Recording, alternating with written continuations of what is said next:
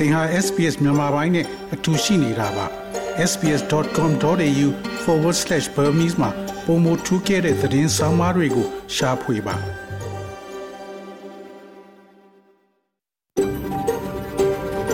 SBS A world of difference You're with SBS Burmese on mobile, online and on radio mobile online နဲ့ radio ပေါ်မှာသင်ဟာ SPS မြန်မာပိုင်းနဲ့အ တူရှိနေတာဖြစ်ပါတယ်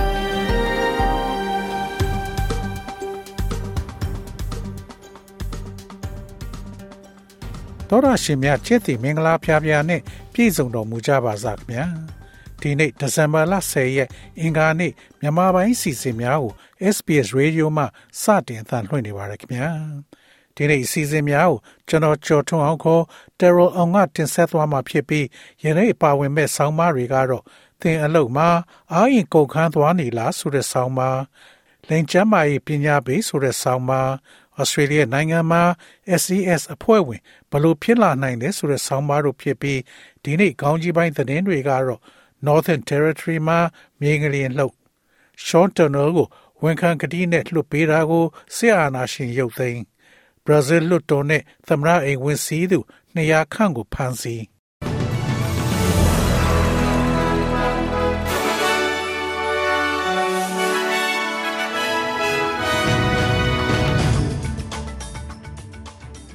ယခုချိန်ကစပြီးသတင်းများကိုကျွန်တော်ကြော်ထုတ်အောင်ကစတင်ဖတ်ကြားပါတော့မယ်။ Northern Territory မှာမြေငလျင်လှုပ်အင်ဒိုနီးရှားတွင် ပြင်းအား9.6အဆင့်ရှိရေအောက်ငလျင်လှုပ်ခတ်ပြီးနောက်ဒါဝင်မြို့အထိလှုပ်ခတ်သွားပါတယ်။မြောက်ပိုင်းနယ်မြေဝင်ကြီးချုပ်နတာရှာဖားလ်စီ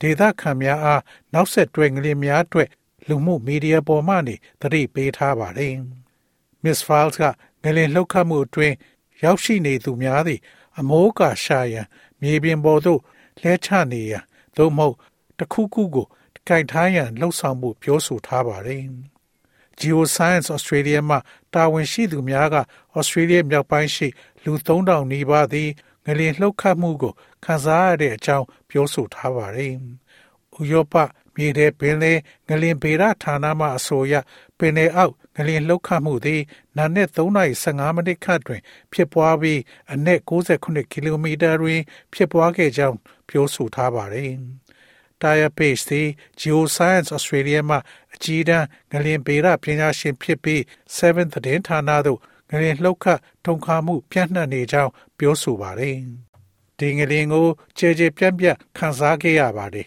။ဒါကြောင့်ကျွန်ုပ်တို့သည် Kunura, Darwin, Tennant Creek နလန်ဘာတို့သွားရလမ်းတစ်လျှောက်လုံးမှာညင်သာသောငလျင်လှုပ်မှုကနေအလေအလတ်ထိတုန်ခါမှုရှိတယ်လို့အစီရင်ခံတဲ့လူများကိုကျွန်ုပ်တို့လက်ခံရရှိထားပါတယ်။ဩစတြေးလျပြည်မကြီးကျိုးများနဲ့နယ်မြေများအတွက်ဆူနာမီအန္တရာယ်မရှိဘူးလို့လည်းပြောဆိုထားပါတယ်။ Sean Turnell ကိုဝန်ခံကတိနဲ့လှုပ်ပေးခဲ့တဲ့လွန်ငင်းခွင့်ကိုစစ်အာဏာရှင်ပြန်ရုပ်သိမ်း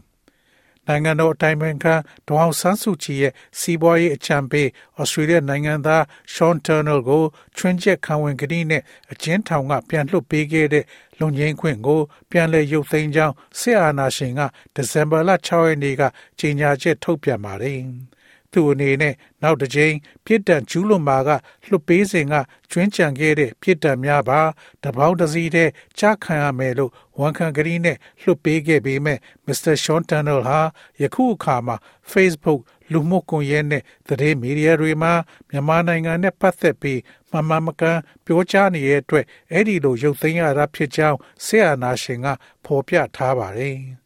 မြန်မာနိုင်ငံမှာစစ်တပ်က2021ခုနှစ်ဖေဖော်ဝါရီလစစ်အာဏာသိမ်းပြီးနောက်နိုင်ငံတော်အတိုင်ပင်ခံပုဂ္ဂိုလ်ဒေါအောင်ဆန်းစုကြည်သမ္မတဦးဝင်းမြင့်ပါဝင် NLD အစိုးရအဖွဲ့ဝင်နေတဲ့အတူစီးပွားရေးပညာရှင်ရှွန်တနိုကိုလည်းဖမ်းဆီးထောင်ချခဲ့ပါတယ်။သူကိုနိုင်ငံတော်လှုပ်ဝက်ချက်အဥပဒေနဲ့လူဝင်မှုဥပဒေချိုးဖောက်မှုတွေနဲ့ဆွဆွဲပြီးထောင်ဒဏ်၃နှစ်ချမှတ်လိုက်ပေမဲ့နှစ်နှစ်နီးပါးကြာခံခဲ့ပြီးနောက် မတ်လ22ရက်နိုဝင်ဘာလ18ရက်နေ့တွင်လွတ်မြောက်လာခဲ့ပါတယ်။သူဟာနိုင်ငံရင်းဩစတြေးလျနိုင်ငံကို ပြန်သွားပြီးနောက် Facebook လူမှုကွန်ရက်စာမျက်နှာပေါ်မှာအသိမ့်မွေ့ဆုံးမြန်မာပြည်သူတွေကိုရုံးမယူသွသူတွေကအုပ်ချုပ်နေတဲ့အတွက်ယူကြုံမရဖြစ်ရတယ်လို့ရေးသားခဲ့ပါတယ်။ဒါအပြင်သူ့အနေနဲ့မိသားစုနဲ့ပြန်ဆောင်ခွင့်ရလို့ဝမ်းသာရပေမဲ့မြန်မာပြည်သူ53သန်းကတော့သူတို့ကို ကိုစားမပြုတဲ့အုပ်ချုပ်သူတွေလက်ထဲမှာဒုက္ခဆက်လက်ခံနေရတယ်လို့လည်းရေးသားထားပါတယ်။ဘရာဇီးလွှတ်တော်နဲ့သမရအိမ်ဝင်စည်းသူ200ခန့်ဖမ်းဆီးခံရဘရာဇီးနိုင်ငံမှာတရားရုံးချုပ်လွှတ်တော်နဲ့သမရအိမ်တော်တွေကိုယမန်နေ့ကဝင်ရောက်စီးနင်းခဲ့တဲ့သမရဟောင်းဂျာရက်ဘိုဆိုနာရိုကိုထောက်ခံသူအနည်းဆုံး200လောက်ကိုဖမ်းဆီးလိုက်တဲ့အကြောင်းဘရာဇီးအရာရှိတွေကပြောဆိုပါတယ်။ သမ္မတဟောင်းဂျာယာဘိုဆိုနာရိုကို ထောက်ခံတဲ့ထောင်နဲ့ချီတဲ့စန္ဒပြသူတွေမနေ့ကဘရာဇီးလျမြို့အစိုးရရုံးအဆောက်အဦတွေကိုဝင်စီးနှင်းပြီးရုံးတွေပရိဘောဂတွေပစ္စည်းတွေကိုဖျက်ဆီးခဲ့ပါတယ်။ရုံးထဲမှာကြံခဲ့တဲ့လက်ဘွေယာတွေကိုစစ်ဆေးပြီးဖျက်ဆီးသွားတဲ့သူတွေကိုအရေးယူမဲ့အကြောင်းဘရာဇီးအရာရှိတွေကပြောဆိုပါတယ်။ ဘရာဇီးနိုင်ငံမှာရွေးကောက်ပွဲရှုံးနေတဲ့လက်ရဆုံးသမ္မတဟောင်းဘော်ဆိုနာရိုကို ထောက်ခံသူတွေလွတ်တော်တဲ့ရုံးတွေကို လူစုလူဝေးနဲ့ဝင်ဆင်းနှင်းခဲ့ပါတယ်။စန္ဒပြသူတွေ၃နာရီကျော်ကြာဝင်ရောက်စီးနင်းခံပြီးနောက်ဘရာဇီးသမ္မတအိမ်တော်ကိုတင်းနှင်းကနေနှောင်းပိုင်းမှာဘရာဇီးရဲတပ်ဖွဲ့ကပြန်လည်ထိန်းချုပ်လိုက်ပါတယ်။ဩစတြေးလျမှာအန်တီဘိုတိတ်ဆေးများရှားပါမှုဖြစ်နေ အန်တီဘိုတိတ်ဆေးများသည်ဩစတြေးလျတွင် ရှားပါလာတယ်လို့သတင်းရရှိတဲ့ဆေးဝါး300ကျော်ထဲမှာတစ်ခုအပါအဝင် ဖြစ်ပါတယ်။အမိုက်ဆီလင်အပါအဝင်ဆေးဝါးပြတ်လတ်မှုသည်ပြည်ပမှတင်ပို့ရောင်းချမှုအာမခံပြဿနာကြောင့်ဖြစ်ပွားခြင်းဖြစ်တယ်လို့ဆိုပါတယ်။အထူးသဖြင့်ကလေးများအတွက်အသုံးများသော antibiotic ဆေးရည်မှာအလွန်ရှားပါးနေပါတယ်။ Australia သည်ကမ္ဘာဆေးဝါးဈေးကွက်ရဲ့200ခိုင်နှုန်းသာရှိကြောင်း The Pharmacy Guild အဖွဲ့မှပြောကြားပါတယ်။မြန်မာအိမ်အကူကိုနှိပ်စက်သူစင်ကာပူအမျိုးသမီးထောင်ဒဏ်14နှစ်အပြစ်ပေးခံရစင်ကာပူနိုင်ငံမှာအိမ်ကူမြန်မာမိန်းကလေးကိုအုံနောက်ထိခိုက်ပျက်စီးပြီးအသက်ဆုံးရှုံးတဲ့အထိသမီးဖြစ်သူနဲ့အတူကိုတိလက်ရောက်နှိပ်စက်ခဲ့တဲ့အိမ်ရှင်အမျိုးသမီးကိုတရားရုံးကထောင်ဒဏ်14နှစ်ချမှတ်လိုက်ပါတယ်။အသက်24နှစ်ရှိမြန်မာအိမ်ကူ ပင်နာဒေါန်ကိုကိုထိလက်ရောက်နှိပ်စက်မှုဆွဲချက်48ခုအတွက်အပြစ်ရှိကြောင်းဝန်ခံထားတဲ့အသက်64နှစ်အရွယ် Prima S နာရီနမ်စီကိုတနင်္လာနေ့မှာထောင်ဒဏ်စီရင်လိုက်ကြောင်းစင်ကာပူသတင်းဌာန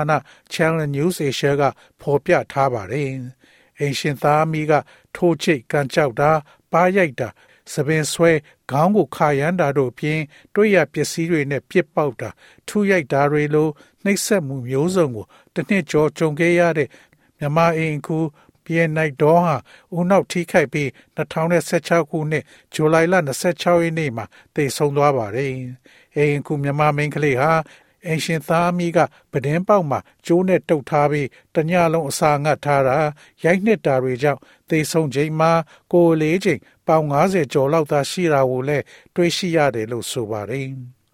သေဆုံးမှုနဲ့ပတ်သက်လို့နောက်ပိုင်းမှာ CCTV လုံခြုံရေးကင်မရာတွေကအထောက်ထားတွေနဲ့စစ်ဆေးမေးမြန်းချက်တွေအရအပြင်းထန်နှိပ်စက်မှုတွေကျူးလွန်ကြောင်းသိခဲ့ရပြီးနောက်အင်ရှင်မိသားစုနှစ်ယောက်လုံးကိုဖမ်းဆီးခဲ့တာဖြစ်ပါတယ်။သမီးဖြစ်သူ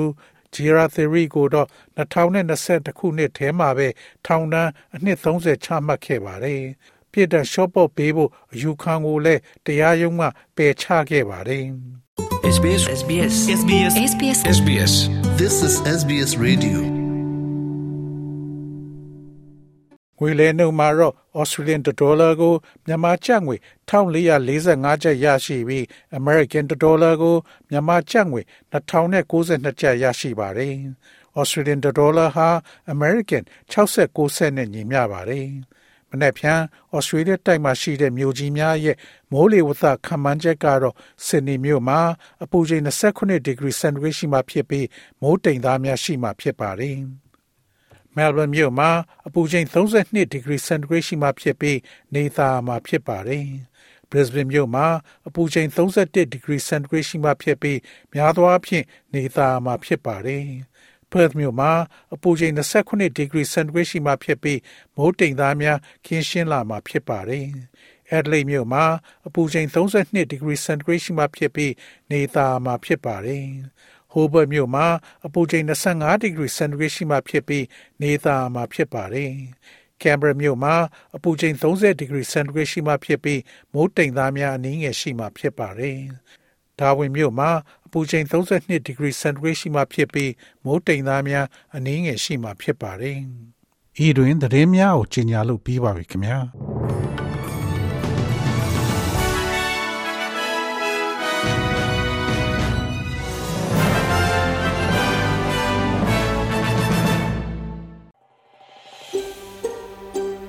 ။ဒါမျိုးသတင်းဆောင်မာတွေကိုပိုနားဆင်လိုပါလား Apple Podcast Google Podcast Spotify တို့မှာသင်ပင်ရာဖြစ်ဖြစ်ရယူတဲ့ podcast ကနေပါ။